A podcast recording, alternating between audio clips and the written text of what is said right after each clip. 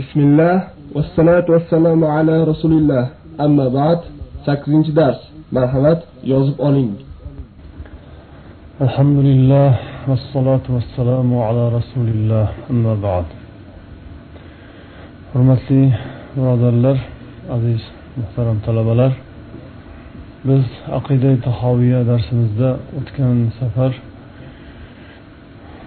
tanishib kelib bu darslikni vala yakunu illa ma yurid degan iborasiga kelib to'xtagan edik.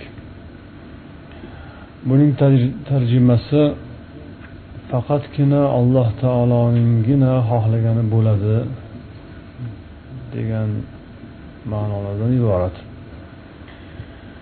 Bu mavzu mashhur qadar masalasi qazoy qadar masalasi bu islom tarixida ko'pgina toifalarni paydo bo'lishiga. Bu toifalarning bir qanchalari adashib yo'ldan ozib ketishlariga sabab bo'lgan muhim va qaltis bir mavzu qado qadar masalasi. Bu borada aytilgan fikrlar o'rtaga tashlangan da'volar turli tuman bir biriga qarama qarshi va bularni ichida faqatgina bittasigina to'g'ri u ham bo'lsa shu ahli sunna va jamoa mazhabi to'g'ri yondashgan bu qazo qadar masalasi mana shu ahli sunna va jamoa mazhabining tushunchasida to'g'ri hal etilgan. Biz inshaalloh darslarimiz davomida ana shunday adashgan toifalarni davolari tushunchalari shiorlarini ham va siz bilan bizning mazhabimiz ahli sunna va jamoaning tushunchasidagi qazoi qadar masalasi qanday talqin etilishini inshaalloh ko'rib o'tamiz. Batafsil sharhlari bilan bu narsani o'rganishga harakat qilamiz. Tarixda qadariylar va jabariylar degan ikkita toifa mashhur toifa shu qadar masalasida talashib tortishdilar. Qadariylar qadarni inkor etdilar. Yana shular bilan birgalikda mo'taziliylar ham qadarni taqdirni inkor qildilar. Ular barcha ishlar alloh taoloning taqdiri bilan avvaldan azaldan bitib qo'yilgan belgilab qo'yilgan hammasi o'lchab qo'yilgan degan e'tiqodga xilof o'laroq inson o'z ixtiyori bilan o'zining xohish inon ixtiyori o'zining irodasi bilan harakat qiladi. Alloh taolo oldindan hech bir narsani belgilab qo'ygan emas degan masalani mana shu ma'noda o'rtaga tashladilar va shu bilan ular qadarni buzib talqin qildilar. Jabariylar esa ularning qarshisida bularga zid ravishda bularga ataylab qasdma qasdga qilgandek qarama qarshi yo'l tutib alloh taolo hamma narsani belgilagan qat'iy qilib qo'ygan va bandalar shuni bajarishga majburlar. Degan so'z bilan xuddi insonlarni bir qo'g'irchoqqa tenglashtirib qo'ydilar. Bularni har ikkovlarini ham so'zlari davolari noto'g'ri va fosid marduddir. Qur'onu sunnat va sog'lom aqlga xilof bo'lganligi tufayli. Inshaalloh bu darslikni davomida bu masalalarni kengroq ko'rishga harakat qilamiz. Hammasi allohu rasulining so'zlari asosida qur'oni sunnat ta'limotlari asosida va bizdan oldin o'tgan o'sha salaf ulamolarni bayon qilganlari va butun ummat musulmon ummati e'tirof etgan ustoz deb o'ziga qabul qilgan mashhur ulamolar barcha imomlar tushunchalari ularni bergan saboqlari va ta'riflari asosida inshaalloh bu masalani o'rganamiz. Ahli sunna val jamoa bu qadar masalasini osongina bir chiroyli ta'rif bilan aytadilarki mashaallohu kana va ma lam yasha lam yakun. Nimaiki alloh taolo xohlagan bo'lsa shu albatta bo'ladi. Olloh xohlamagani esa bo'lmaydi. Bu masala hamma barcha ahli sunna ulamolari tomonlaridan ittifoq qilingan. Bunga hech qanday bir xilof hech qanday bir e'tiroz bo'lmagan ochiq oydin qoidadir. Shuning uchun ham fuqarolar ulamolar misol tarzida aytishgan ekanki agar bir odam bir ishni yaxshi ishni savobli ishni man inshaalloh shuni albatta bajaraman desa yu bu narsani bajarmasa.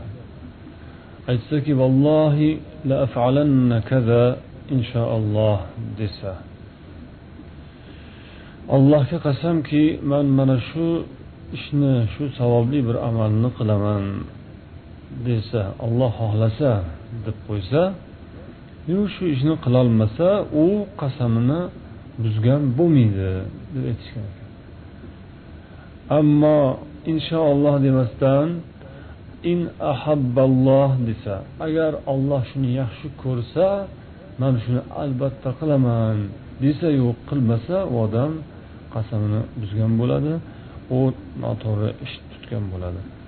Birinchisida ya'ni allohga qasamki man albatta xudo xohlasa inshaalloh shu ishni qilaman deganda shu ishni qilolmay qo'ysa u qasamni buzgan hisoblanmaydi deyildi chunki u inshaalloh dedi. Agar olloh xohlasa dedi.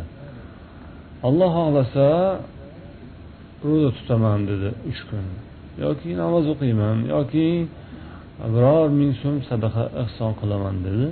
Shu ishni qilmadi. Inshaalloh degani uchun demak u odam malomatga qolmaydi. Olloh xohlasa degdi olloh xohlamagan bo'ladi. Demak qilmadi olloh xohlamadi. Endi aytsaki u agar olloh yaxshi ko'rsa degan bo'lsa yo'q qilmagan bo'lsa buning masalasi boshqa bo'ladi va u qasamni buzgan bo'ladi. U vallohi deb qasam ichib aytgan ediyu albatta shuni qilaman deb qasam ichgan edi va olloh yaxshi ko'rsa deb shart qiluvdi. Endi u qilmasa go'yoki u olloh shuni yaxshi ko'rmadi degandek bo'lib qoladi. Ammo aslidachi alloh taolo yaxshi amallarni yaxshi ko'radi. Ibodat bo'lsa bu xoh mustahab bo'lsin xoh vojib bo'lsin. Shariatga muvofiq keladigan yaxshi amalni alloh taolo albatta yaxshi ko'radi. Uni olloh yaxshi ko'rsa qilaman dediyu qilmadi olloh yomon ko'rdi degandek ma'no chiqib qoladi. Bu demak u qasamni buzgan bo'ladi. Shunday qilib alloh taolo yaxshi amallarni hammasini yaxshi ko'radiyu lokin ba'zan shuni sodir voqe bo'lishini xohlamasligi mumkin.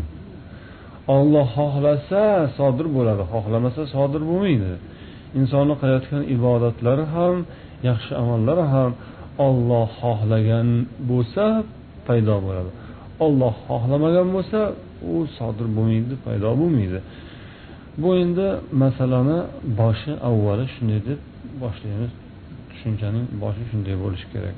Lokin endi birovlar ibodat qilmayapti yaxshi amal qilmayotibdi mana demak xudo xohlamayotgan ekanda olloh xohlamagani uchun namoz o'qimayapti yoki namoz o'qimayapman islomda amal qilmayapman. Olloh xohlayotgan ekanda degan davo. Odamlarda bor lokin biz bunga qanday javob aytamiz buni biz qanday tushunamiz tushuntiramiz? Inshaalloh bu darslar davomida aytiladigan so'z. Ahli sunna va jamoa ulamolari iroda haqida allohning xohish irodasi haqida so'zlaganlarida irodani avval boshlab ikki qismga bo'lib oladilar. Iroda allohning kitobida va qur'onda sunnatda ikki xil ko'rinishda ikki xil mazmunda talqin etiladi. Bu irodaning birinchisi irodai qadariya kavniya xalqiya deb aytiladi. Irodatun qadariyatun kavniyatun xalqiya. Ikkinchisi esa irodatun diniyatun amriyatun shar'iyya. Birinchi iroda iroda qadariya kavniya xalqiya. Ya'ni bu bo'lishi albatta zarur shart bo'lgan bo'lmasa bo'lmaydigan albatta bo'lishi kerak bo'lgan. Ya'ni olloh shuni bo'lishini qat'iy xohlagan narsa. Shu tarzda aytiladigani buni irodai qadariya ya'ni taqdir qilingan u xalq etiladigan bir amallar ustida aytiladi. Endi iroda diniya diniy amriy shar'iy iroda bo'lsa bu alloh taolo buyurgan shariatga muvofiq keladigan diniy biron bir ibodatlar amallarniga taalluqli bo'lgan iroda. Bu irodani iroda diniya shar'iya deymiz. Bu iroda amalga oshishi hamma vaqt ham qat'iy emas. Hamma vaqt ham shart deyilmaydi. U iroda olloh shu xohlasa amalga oshadi olloh xohlamasa amalga oshmaydigan iroda. Oshmaydigan narsalar amallar ishlar ustida aytiladi buni. Iroda shar'iya amriya bu o'sha alloh taoloning dini qur'oni sunnatdagi irodalar haqida gapirganimizda demak ikki qismga bo'lib oldik.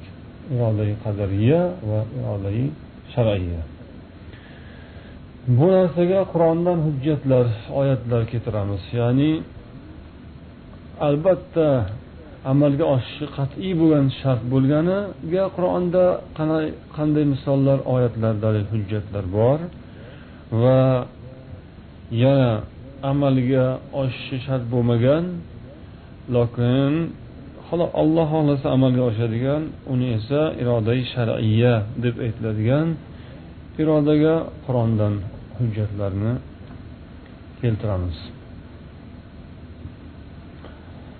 anom surasining bir yuz yigirma beshinchi oyatida alloh taolo aytadiki auzu billahi minash shaytonir rojim فمن يرد الله أن يهديه يشرح صدره للإسلام ومن يرد أن يضله يجعل صدره ضيقا حرجا كأنما يصعد في السماء kimniki alloh taolo hidoyat qilishni xohlasa uning qalbini ko'kragini yuragini dilini islomga keng qilib ochib qo'yadi kimniki alloh taolo adashtirishni istasa uning ko'kragini dilini olloh toraytirib qo'yadi ziq qilib uni toraytirib tang qilib qo'yadi xuddi osmonga ko'tarilayotgan odamdek qilib qo'yadi yoki bo'lmasam hud surasining o'ttiz to'rtinchi oyatida nuh alayhissalomning so'zlari keltiriladi olloh aytadiki أعوذ بالله من الشيطان الرجيم ولا ينفعكم نصحي إن أردت أن أنصح لكم إن كان الله يريد أن يغويكم men sizlarga nasihat qilishni xohlab sizlarga ko'p nasihat qilsam ham va'z nasihatlar aytsam ham agar olloh sizlarni adashtirishni xohlagan bo'lsa bu nasihatlarim foyda bermaydi dedilar. Demak allohning o'zi sizlarni adashtirishni xohlab qo'ygan bo'lsa olloh sizlarni adashishlaringizni xohlayotgan bo'lsa unda men ming nasihat qilsam ham ming sizlarga to'g'ri yo'lni ko'rsatsam ham buning foydasi yo'qdir. Manfaat yetmaydi sizlarga dedilar. Yana baqara surasining ikki yuz o'ttiz beshinchi oyatida deb keltiriladi. Alloh taolo nimani xohlasa shuni qiladi. Xohlaganini qiladigan zot alloh taolo degan mazmunda. Bu iroda irodai kavniya xalqiya qadariyaga misol. Ya'ni bo'lishi qat'iy bo'lgan albatta amalga oshadigan iroda. Olloh shuni xohlagan bo'lsa man nima qilay? Man bundoq deganim bilan olloh bundoq degan bo'lsa bundoq hukm qilgan bo'lsa shu ollohniki bo'ladi maniki bo'lmaydi. Man ming yalinsam yolvorsam ham ming nasihat qilsam ham endi olloh shuni xohlabdida deyiladigan tarzda aytiladigan iroda irodai xalqiya kavniya qadariya. Demak qur'oni karimda shunaqasi bor ekan. Olloh xohlagani bo'lib boshqasi xohlagani ollohdan boshqa xohlagani bo'lmaydiganiga mana bu misol. Nuh payg'ambar aytyaptilar man shuni xohlayapman sizlarni iymonga kelishlaringizni lokin alloh taolo esa xohlamasa nima qilay bo'lmaydikanda degan oyat esimizdan chiqmasin. Endi irodai diniya shar'iya amriyaga misol. Ya'ni bunisi alloh taolo tomonidan iroda qilingan deb aytilsada lokin bu amalga oshishi shart bo'lmagan. Ba'zan amalga oshmay qolishi mumkin bo'lgan iroda buni irodai shar'iya amriya diniya deb aytamiz buning misollari qur'oni karim oyatlaridan baqara surasining bir yuz sakson beshinchi oyatida alloh aytadiki auzu billahi minash shaytonir rojim يريد الله بكم اليسر ولا يريد بكم العسر alloh taolo sizlarga yengillikni istaydi og'irlik qiyinlik mashaqqatni xohlamaydi deydi yana والله يريد أن يتوب عليكم ويريد الذين يتبعون الشهوات أن تميلوا ميلا عظيما alloh taolo sizlarni gunohlaringizni kechirishni xohlaydi lekin o'z nafsi havolariga xohishlariga ergashuvchilar esa sizlarni haq yo'ldan adashib ketishlaringizni xohlaydilar. Mana bu yerdagi iroda so'zi xohish istak so'zi yuqoridagi xohish istak so'zidan farqli. Kattada olloh xohladimi? Bo'ladi shu degan mazmundagi iroda edi.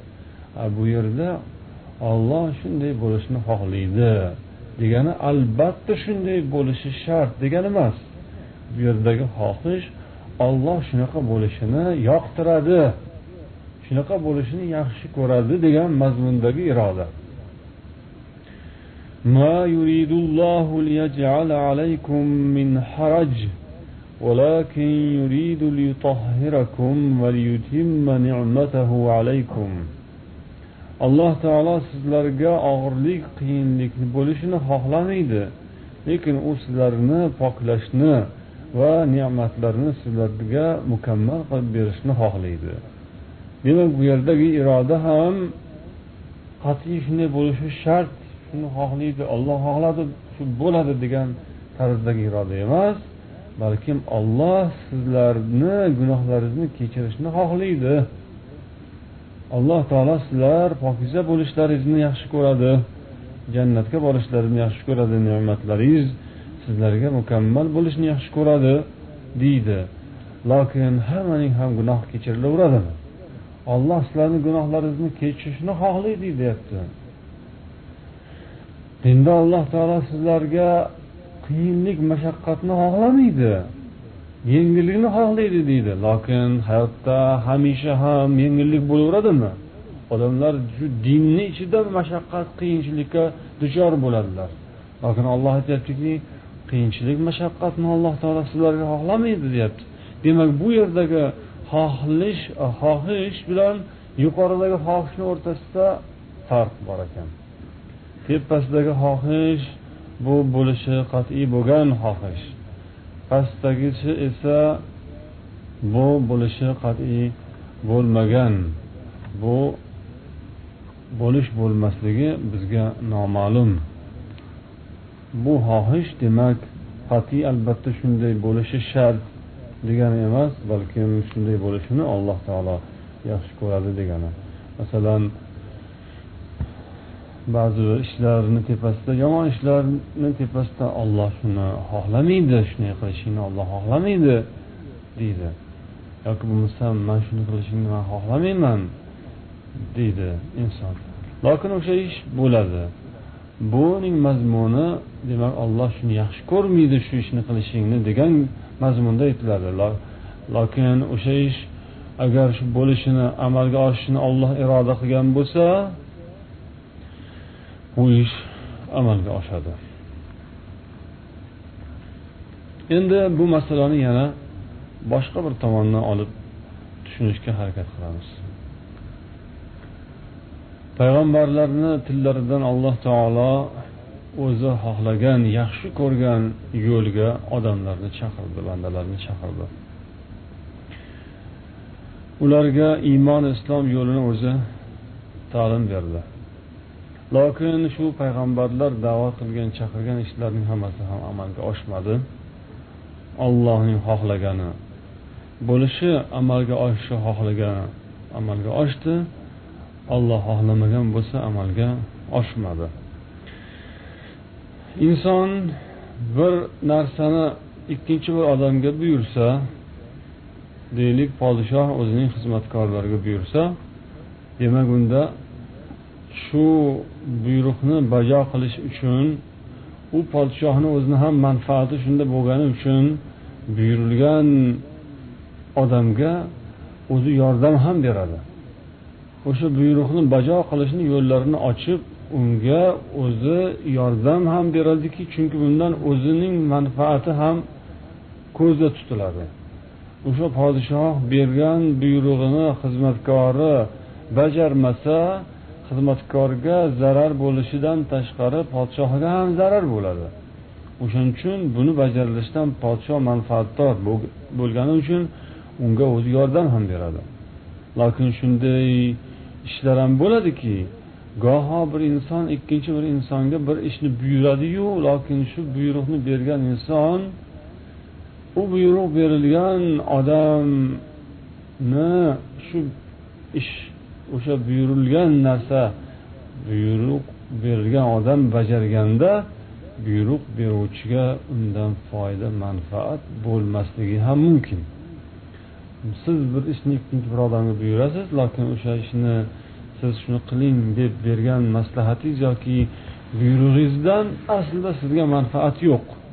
Siz bu narsadan hech qanday foyda ko'rmasligingiz ham mumkin. Mana shunday holat ham bo'ladi hayotda. Hamisha inson bir tomondan manfaat e, hamma tomonlama manfaatdor bo'lavermaydi.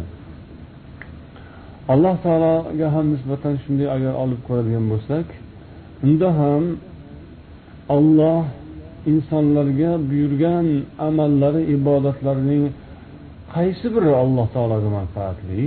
Qaysi biridan alloh taolo manfaatdor? Birontasidan olloh manfaatdor emas. Insonlarga buyurilgan bu ibodatlar yaxshi amallarni qilmasa odamlar allohga zarar bo'ladimi? Allohning mulki kamayib qoladimi? Allohning qudrati kamayib qoladimi? Yo'q. Allohga hech qanday buni zarari ham foydasi ham yo'q. Siz esa bolangizga bir ishni buyursangiz qilmasa sizga zarar bo'lishi aniq. Podshoh xalqiga fuqarosiga buyruq berdi qilmasa podshohga zarar bo'lishi aniq. Ammo alloh taolo esa buyurdiyu buyrug'ini odamlar bajarmadi. Undan hech qanday allohga zarar emas. Hayotda shundaysi bo'ladimi? Masalan bir inson ikkinchisiga bir ishni buyurdi yoki taklif qildi shuni juda qattiq turib iltimos qildiyu bajarilmadi. Shunda hali buyurgan kishiga hech qanday zarar bo'lmadi. Buyurilgan kishiga zarar bo'ldi. Bunday misolni o'zinglar bir o'ylab ko'rishinglar mumkin. Ya'ni mana manga foydasi ham yo'q zarari ham yo'q. Mana shuni qilsang yaxshi bo'ladi o'zingga foyda bo'ladi. Degan tarzdagi buyruqlar shu tarzdagi ko'rsatmalar hayotda ham uchrab turadi. Buning misoli qur'oni karimda alloh taolo qasas surasining yigirmanchi oyatida hazrati muso alayhissalomga yordam berish uchun kelgan bir odamning tilidan aytadiki أعوذ بالله من الشيطان الرجيم إن الملأ يأتمرون بك ليقتلوك فاخرج إني لك من الناصحين hazrati muso payg'ambar shaharda bir ishni qilib qo'yib ya'ni bir odamni o'ldirib qo'yganlaridan keyin xatoan keyin bu narsa fosh bo'lib muso payg'ambarga qarshi harakat boshlandi va buni bilgan sezgan mo'minlardan birlari muso alayhissalom oldilariga shoshilib keldilarda aytdilarki odamlar seni o'ldirish uchun hozir reja tuzyaptilar maslahatlashyaptilar. Shuning uchun sen tezgina shahardan chiqib ketgin.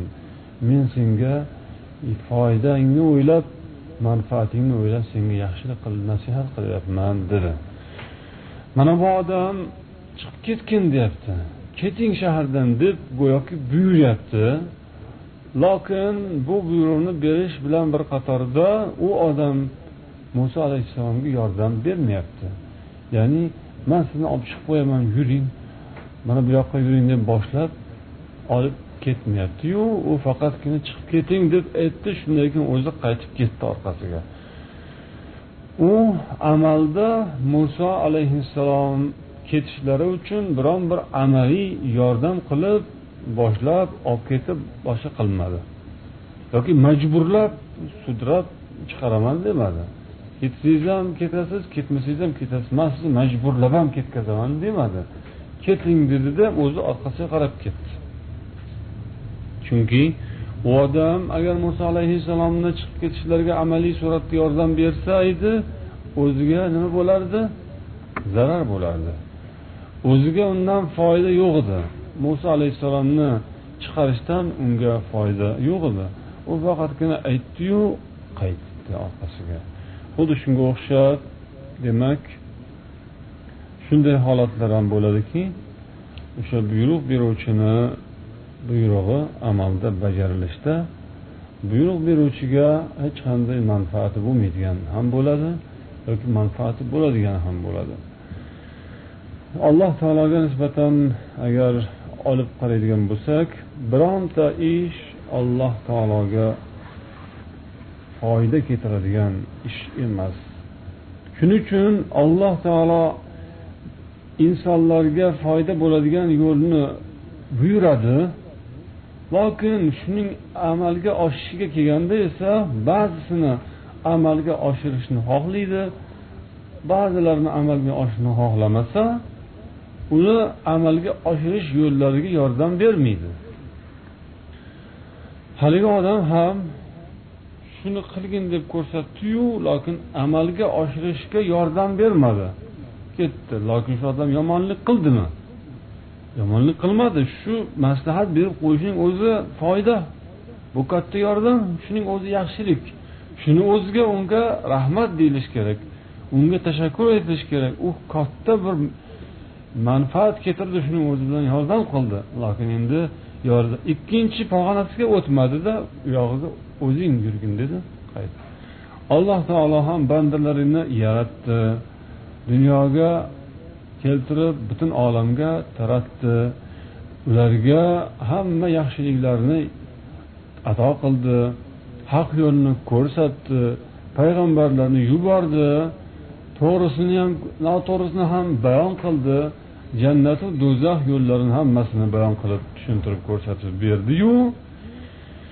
Endi shuni amalga oshirishga kelganda olloh o'zi xohlasa ba'zi bir insonlarga yordam berishni o'z marhamati bilan yana yordam berdi. Bu yaxshilik ustiga yaxshilik. Lokin kimlargadir alloh taolo shuni amalga oshirishda yordam bermadi va u amalga oshmay qoldi. Ana bu o'rinda demak olloh unga yomonlik qildi demaymiz olloh uni dunyoga keltirdi yaratib ne'mat berib yo'l ko'rsatib boshqa ishlar ularni alloh taolo o'zi ato qilganligi jihatdan demak olloh unga yaxshilik qildi. Ammo ikkinchi qismini amalga oshishini alloh taolo xohlamadi iroda qilmadi. Birinchisi e, irodai kavniya bo'lib amalga oshdi. Ikkinchisi esa irodai shar'iya edi. Shuni qilgin deb olloh uning qilishini yaxshi ko'rdi yaxshi ko'rishini istashini xohlashini ya'ni bu xohlaganda bo'lishi shart deydigan mazmunda emas. Shunday qilsa yaxshi bo'ladi shuni yaxshi ko'raman degan mazmundagisini tushuntirdiyu lokin buni amalga oshirishda alloh taolo yordam bermadi. Bu esa yomonlik deyilmaydi olloh yomonlik qildi deyilmaydi bitta yaxshilik qildi. Ana unisiga esa ikkita yaxshilik qildi. Endi yaxshilik qilish o'zining ixtiyorida edi. Birinchi yaxshilikni ham qilmaslikka haqqi bor edi. Qilmasa birov bir narsa demas edi. Ikkinchi yaxshilikni qilmagan bo'lsa yomonlik ham qilmadi. U o'zining haqqi. Inson ham deylik unga chiqib ketishni yo'llarini ko'rsatdiyu lokin amaliy suratda yordam bermasa yomonlik qildi deyilmaydi. U shuni aytmasa aytmasa balkim yomonlik qildi deyilgan bo'lardi. Insondaki bu narsa malomat qilinmaydimi odamzodga? Ha nima uchun endi alloh taologa bu narsa malomat qilinishi kerak? Odamzod bir ishni birinchi boshlab qiladi qildi qildida keyin aytdiki man shunchasini qilib berdim yetar endi. Buyog'ini o'zing qilgin. Man shuni qilmaganimda nima bo'lardi? Senga shuni aytmaganimda maslahat bermaganimda yo'l ko'rsatmaganimda nima bo'lardi? A man yo'l ko'rsatganimga endi bu sendan shunaqa javobmi? Menga shu seni rahmatingmi? Deydi agar buyog'ini ham qilib berginda endi o'zing oxiriga yetkazginda deb u osilib oladigan bo'lsa yopishib oladigan bo'lsa e birodar man shu gapimni o'ziga hali bir narsa bo'lib qolishi mumkin. Shu gapimni o'ziga man javob berib qolishim mumkin. Men senga shu ishni qilib berdim shuni aytdim dedim yordam qildim shuni o'zi katta gap desa haqqi bormi? Haqqi bor ha nima kerak endi bunga og'irlik qilib yopishib olib ustiga yotib olasanmi? O'zing qilginda deydi. Oddiy insonki shunday holatda demak yordam bermasa uni haqqi bor imkoniyati e, yo'qdir boshqadir xohlamadi. Man bu yoqqa o'ta olmayman desa haqqi bor. Majbur emas ya'ni u inson bunga albatta keyingisiga ham davomiga ham qo'shilishga majbur emas. Shunga o'xshab alloh taolo ham hech narsaga majbur emas. Inson ham birovga haligi aytilgandek ikkinchi bir bosqichga o'tib yordam berish davom ettirishga majbur emasligidan tashqari biron bir o'shanda foyda manfaat hikmat borligi uchun ham shuni qilmaydi. Alloh taolo ham insonlarni o'sha haq yo'lga buyurganu bu irodai shar'iya bo'lgan. Lekin irodai qadariya bilan shuni amalga oshirishni taqdir qilmagan bo'lsa endi bu yerda boshqa hikmatlar yotadi. Uni biz hamisha ham anglab yetolmaymiz uni keyinchalik inson asta asta tushunishi mumkin va keyinroq borib balkim o'shanday bo'lmaganidan foyda manfaatlar hikmatlar juda ham katta hikmatlar borligini u inson keyinroq bilishi mumkin. Masalan kasallik. Kasallikni alloh taolo o'zi yaratadi. Kasallikni ham paydo bo'lishini alloh taolo xohlaydi lokin shifosini xohlamasligi mumkin. Bandaga qolsa insonga qolsa hech qachon kasal bo'lmasa hech qachon unga bir og'riq yetmasa lokin alloh taolo yaxshi bandasiga ham kasallik beradi shifosini bermasligi ham mumkin. Lekin shuning zimnida shuning ostida shuni zamirida qanchadan qancha manfaat bor? Kasallik go'yoki bir yomonlikni bir turi u ham. Shu yomonlikni alloh taolo unga xohladi. Lokin bu yomonlikdan ko'ra nihoyat darajada ko'p bo'lgan qiyoslab bo'lmaydigan darajada ko'p bo'lgan yaxshilikni ham xohlagan bo'ladi o'sha yerda. Ya'ni shu kasallik tufayli inson qalbi yumshaydi ko'ziga yosh olishi mumkin tavba qiladi oxiratni eslaydi qilgan xatolarini eslaydi o'limni eslaydi shu kasallik bilan tuzalmay o'lib qolsam nima bo'ladi? Oxiratda qanday bo'larkanman deb endi u yog'ini o'ylaydi. Shunday qilib savobi allohning huzuridagi martabasi oshadi. Yoki bo'lmasam zolimning zulmini alloh taolo ko'paytirib qo'yadi. Bir yaxshi insonga bir yomon zolim zug'umi to'xtamaydi davom etaveradi. Haligi insonni o'ziga qolsa shu zulm darrov yo'qolsa zolimlar darrov yiqilsa ular ham dabdalasi chiqsa ular ham burni tezroq yerga ish qolsa inson shuni istaydi. Lokin alloh taolo esa shu zulmni davom etishini xohlasa xohlab turgan bo'lsachi uni davom etishini taqdir qilib qo'ygan bo'lsachi unda davom etadi. Lokin bu ko'rinishdan yomonlik ko'rinishdan qiynoq bo'lishidan tashqari uning tagida qanchadan qancha yaxshilik bo'lishi mumkin. U inson ham allohga yolvoradi duo qiladi mag'firat so'raydi. Va insondagi yashiringan kuchlar quvvatlar g'ayratlar ishga tushadi. Insonda jihod qilish his tuyg'usi paydo bo'ladi. Avvalroq dangasa yalqov bo'lgan bo'lsa ham ustiga mashaqqat tushganda majburan harakatga tushadi. Unda yana qo'shimcha g'ayrat paydo bo'lishi mumkin. Shunday qilib haqiqat bilan nohaqlik o'rtasida kurash bo'ladi. Kufr bilan iymon o'rtasida talash bo'ladi. Mo'min bilan munofiq kofir o'rtasida jihod bo'ladi. Bu tomonni olsangiz qanchadan qancha manfaat foyda islom mustahkamlanadi. Mo'minlarni iymonlari yarqiraydi. Ularni demak dinga bo'lgan munosabatlari o'zgarishi mumkin tavhidga bo'lgan tushunchalari e'tiqodlari yana ham mustahkamroq bo'lishi mumkin. Ko'zlari ochiladi. Atrofda qarab turganlar bundan ibrat oladilar. Demak dinda shunaqa qattiq tursa bo'lar ekan harakat qilish kerak ekan shunday bo'lgan paytlarda orqaga tashlamaslik kerak ekan mustahkam bo'lish kerak ekanligi ko'pchilikka tushunarli bo'ladi. Mana bu o'sha alloh taolo ba'zi bir narsalarni yaxshi narsalarni aksini xohlagandek bo'lsada lokin shunda ham ko'p yaxshilik bo'lishi mumkin. Masalan deylik masjidga hujum bo'ldi. U yerda darslar to'xtadi. Amr ma'ruflar to'xtadi. Qancha qancha odamlar manfaatdan kesildi. Qancha qancha kishilar talabalar yoki keksalar ayollar sarson bo'ldilar. Masjidlarini imomlarini himoya qildilar. Mashaqqat tortdilar qiynaldilar. Ko'p ko'zlaridan yoshlar to'kdilar odamlar yuraklari siqildi vahima bo'ldi qo'rquv bo'ldi dahshat bo'ldi boshqa bo'ldi. Bu yomonlik. Bu narsani inson xohlamaydi. Shunday bo'lishini. Lekin ollohchi olloh xohlaydi ba'zan. Olloh shuni xohladi. Demak alloh taolo ana u bo'lib turgan yaxshilikni to'xtab qolishini ham xohladi. Iymon darslarini to'xtashini ham olloh xohladi. Talabalar parokanda bo'lishini ozgina u yoq bu yoq bo'lib boshlari qotib yuraklariga vahimalar tushishini olloh xohladi. Demak mana shunday yaxshilikni to'xtab qolishini ba'zan olloh xohlaydi lokin inson xohlamasada olloh xohlaydi. Sabab buning tagida nima bor? Hikmat bor shunda foyda bor manfaat bor. Har qanday musibatda hikmat bor. Shuning uchun aytamizki har qanday zaharda shifo bor har qanday zararda foyda bor. Har qanday ishda ollohning ishida hikmat bor.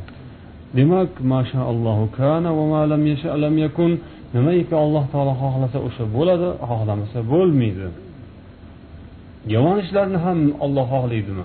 Ha yomon ishlarni ham sodir bo'lishini olloh xohlaydi. Kufrni ham olloh xohlaydimi? Ha olloh xohlaydi kufrni ham keyin bo'ladi. Xohlaganda yaxshi ko'rib emas balkim bo'lishni iroda qiladi mayli shunday bo'lsin deb yozadi bo'ladi. Anavi masjidda bo'lgan notinchliklar musulmonlarga bo'lgan tazyiqlar ularni qamalishlarini kaltaklanishlarini boringki o'n besh sutkadan olishlarini shahardan haydalib chiqarishlarini olloh xohlagan shuning uchun bo'lgan. Lokin olloh buni yaxshi ko'rib xohladi emas. Alloh taolo buni yomon ko'rib xohladi. Olloh bunday ishlarni yomon ko'radi lokin bo'lishini xohlaydi. Chunki uning orqasidan alloh taolo yaxshi ko'radigan ishlar sodir bo'ladi. Shuning uchun bu o'rinda mo'taziliylarga qadariylarga raddiya bor. Qadariylar mo'taziliylar aytadilarki yomonlikni olloh xohlamaydi odam xohlaydi deydilar. Ahli sunna aytadilarki odam xohli odamzod o'zi xohlaydi emas kofirlar ham xohlaydi to'g'ri. Mo'minlar o'sha narsani bo'lishini xohlamasa lokin kofirlar xohladi. Lokin kofirlar xohlagani uchun bo'ldimi? Tegi tubi bilan nazar solib qarasangiz yo'q kofirlar xohlagani uchun bo'laversa kofirlar bundan kattaroqni xohlaydi. Kofirlar musulmonlarni mo'minlarni umuman qirishni xohlaydi. Dunyoda mo'min degan zot bo'lmasligini islom degan kalima bo'lmasligini iymon degan kalima bo'lmasligini xohlaydi. Anavi kichkina ishni ham kofir xohladi lokin bu ishni bo'lishini olloh xohlagani uchun u amalga oshdi. Kofirni xohlagani bo'ladigan bo'lsa bu oz edi kofir uchun. Bundan ko'prog'i kerak edi kofir uchun. Olloh xohlagani bo'lgani uchun ozginasini olloh xohladi shu bo'ldi. Qadariylarga bu raddiya mu'taziliylarga bu raddiya kim? Ular aytadilar qadariylar va mo'tazililar yomonlikni olloh xohlamaydi kufrni alloh taolo xohlamaydi shirkni alloh taolo xohlamaydi inson xohlaydi odamzod xohlaydi shirkni. Mushrik kofirlar xohlaydi munofiqlar xohlaydi olloh xohlamaydi deydilar. Lokin ahli sunna va jamoa esa aytadilar olloh xohlasa bo'ladi olloh xohlamasa bo'lmaydi. Bu qazo qadar masalasidagi birlamchi boshlang'ich ma'lumotlar bu bilan hali hammasi tugagan emas. Hali bu kitobning davomida inshaalloh kelgusi darslarimizda bu mavzuga qayta qayta murojaat qilamiz. Bu qazo qadar masalasini taqdir masalasi iroda masalasini mana shunday har joy har joyda ozgina ozginadan kelishi bu ham balkim bir hikmatdirki hammasi birdaniga aytilganda idrok qilib tushunib o'zlashtirish olish balkim qiyin bo'lardi. Hozircha bu yerda mana shu bilan kifoyalanib boshqa mavzular ozgina. Buni davomi sifatida boshqa mavzularga o'tiladi. Nariroqqa borgandan keyin yana qazo qadar masalasiga boshqatdan qaytib uning boshqa jihatlari boshqa qirralari boshqa tomonlarini inshaalloh ko'ramiz. Ya'ni demoqchimanki bu qazo qadar masalasi haqidagi gap shu bilan tugamaydi. Mana shu kasetani ko'rib yoki eshitib shu bilan xulosa chiqarilmaydi. Bu navbatdagi darslarda inshaalloh davom etadi. Va umuman islom dinimizning ta'limoti aqida bu bitta masaladan iborat emas. Bu aqidaviy masalalar hammasi bir butun sistema bu bir butun ta'limot. Shu butun ta'limotni hammasi butunicha o'rganilsa keyin uning xulosasi natijasi bu chiroyli bo'lib chiqadi. Bir chetidan ozgina kesib olib qirqib olgan bilan man islomni hammasini tushundim islom ta'limotini tushundim deyish to'g'ri emas. Qazo qadar masalasini ham bir tomonda ozginasini tushunib olgan bilan man hammasini bildim deyish to'g'ri emas. Balkim qazoyi qadar masalasini hammasini o'qib tushunganda ham to'g'ri tushunmaslik mumkin. Chunki islom aqidasi faqat qazoyi qadardangina iborat emas. Islom aqidaviy masalalar juda ham ko'p. Qazo qadar iroda masalasi bu shu qator aqidaviy masalalardan bitta masala. Bu bitta nuqta. Shu bitta nuqta boshqa nuqtalar bilan bog'langan. Bu bitta halqa. Zanjirni bitta halqasi. Bitta halqani o'zini olib olgan bilan ish bitmaydi. U halqa yonidagi halqalar bilan bog'langan holda keyin u vazifa bajaradi. O'sha ko'zlangan undan ko'zlangan foyda hosil bo'ladi. Xuddi shunga o'xshab bitta qazoi qadar masalasini o'zini tushunib oldim o'rganib oldim degan bilan maqsad hosil bo'lmaydi. Aqidaviy masalalarning hammasini qo'shib o'rganganda chiqadigan xulosa bu boshqacha xulosa ham bo'ladi. Shuning uchun ham bo'lsa kerak mana bu kitobda aqida masalalarini orasida u yerda bu yerda har joy har joyda qazo qadar masalasi aralashtirib berilgan. Navbatdagi matn. La tablughuhu avhamu va la tudrikuhul afham. Alloh taoloni vahm hayollar alloh taoloning mohiyatiga hayolotlar tasavvurlar yetmaydi.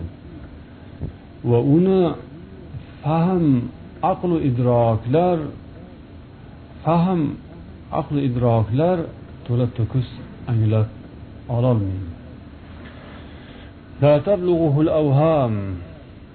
Vahmning ko'pligi avham bu xayol tasavvurlar fantaziya deydilarku shunga o'xshash.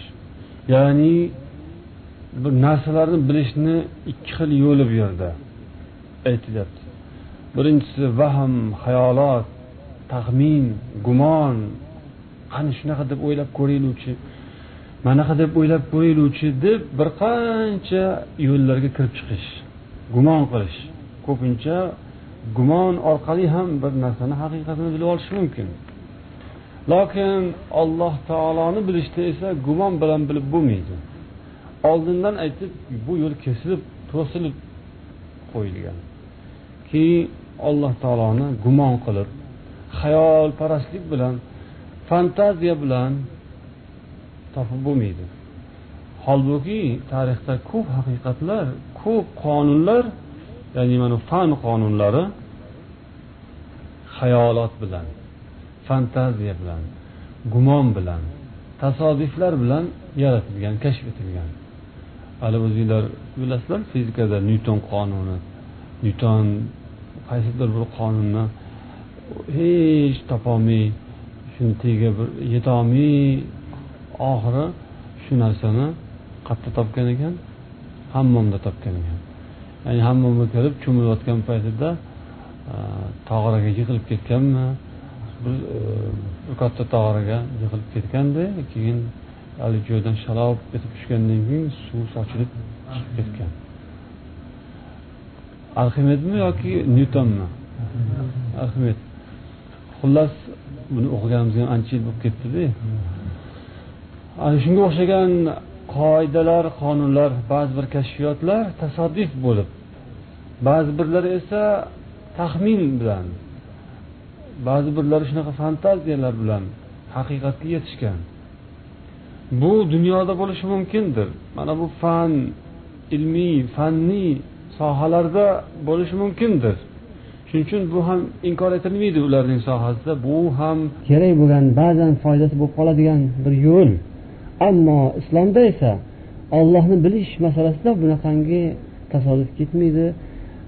Bu narsa hali u yerda hali bu yerda topib olinadigan narsa emas bu yer yuzidan qidiriladigan narsa emas bu ilohiy samoviy osmoniy ta'limot buni faqatgina shu samodan ollohdan keladigan vahiy orqali bilinadi bu vahiy faqat payg'ambarlarga keladi payg'ambarlarga berilgan ma'lumot orqaligina bu narsalarga erishiladi hozircha shu yerda to'xtaymiz inshaalloh bu mavzu kelgusi darslarimizda davom etadi سبحانك اللهم وبحمدك